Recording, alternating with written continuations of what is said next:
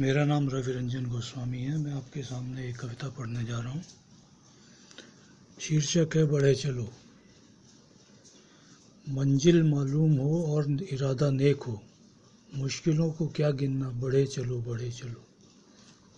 मंजिल कितनी भी दूर हो, दूरी को क्या गिनना? एक कदम बढ़ाओ और बढ़े चलो बढ़े चलो। तुम्हारी मंजिल को तुम्हारे पहले कदम का इंतज़ार है। पहला कदम उठाओ और बढ़े चलो बढ़े चलो। मंजिल से मंजिल निकले तो यही सूत्र दोहराओ, फिर बढ़े चलो बढ़े चलो। धन्यवाद।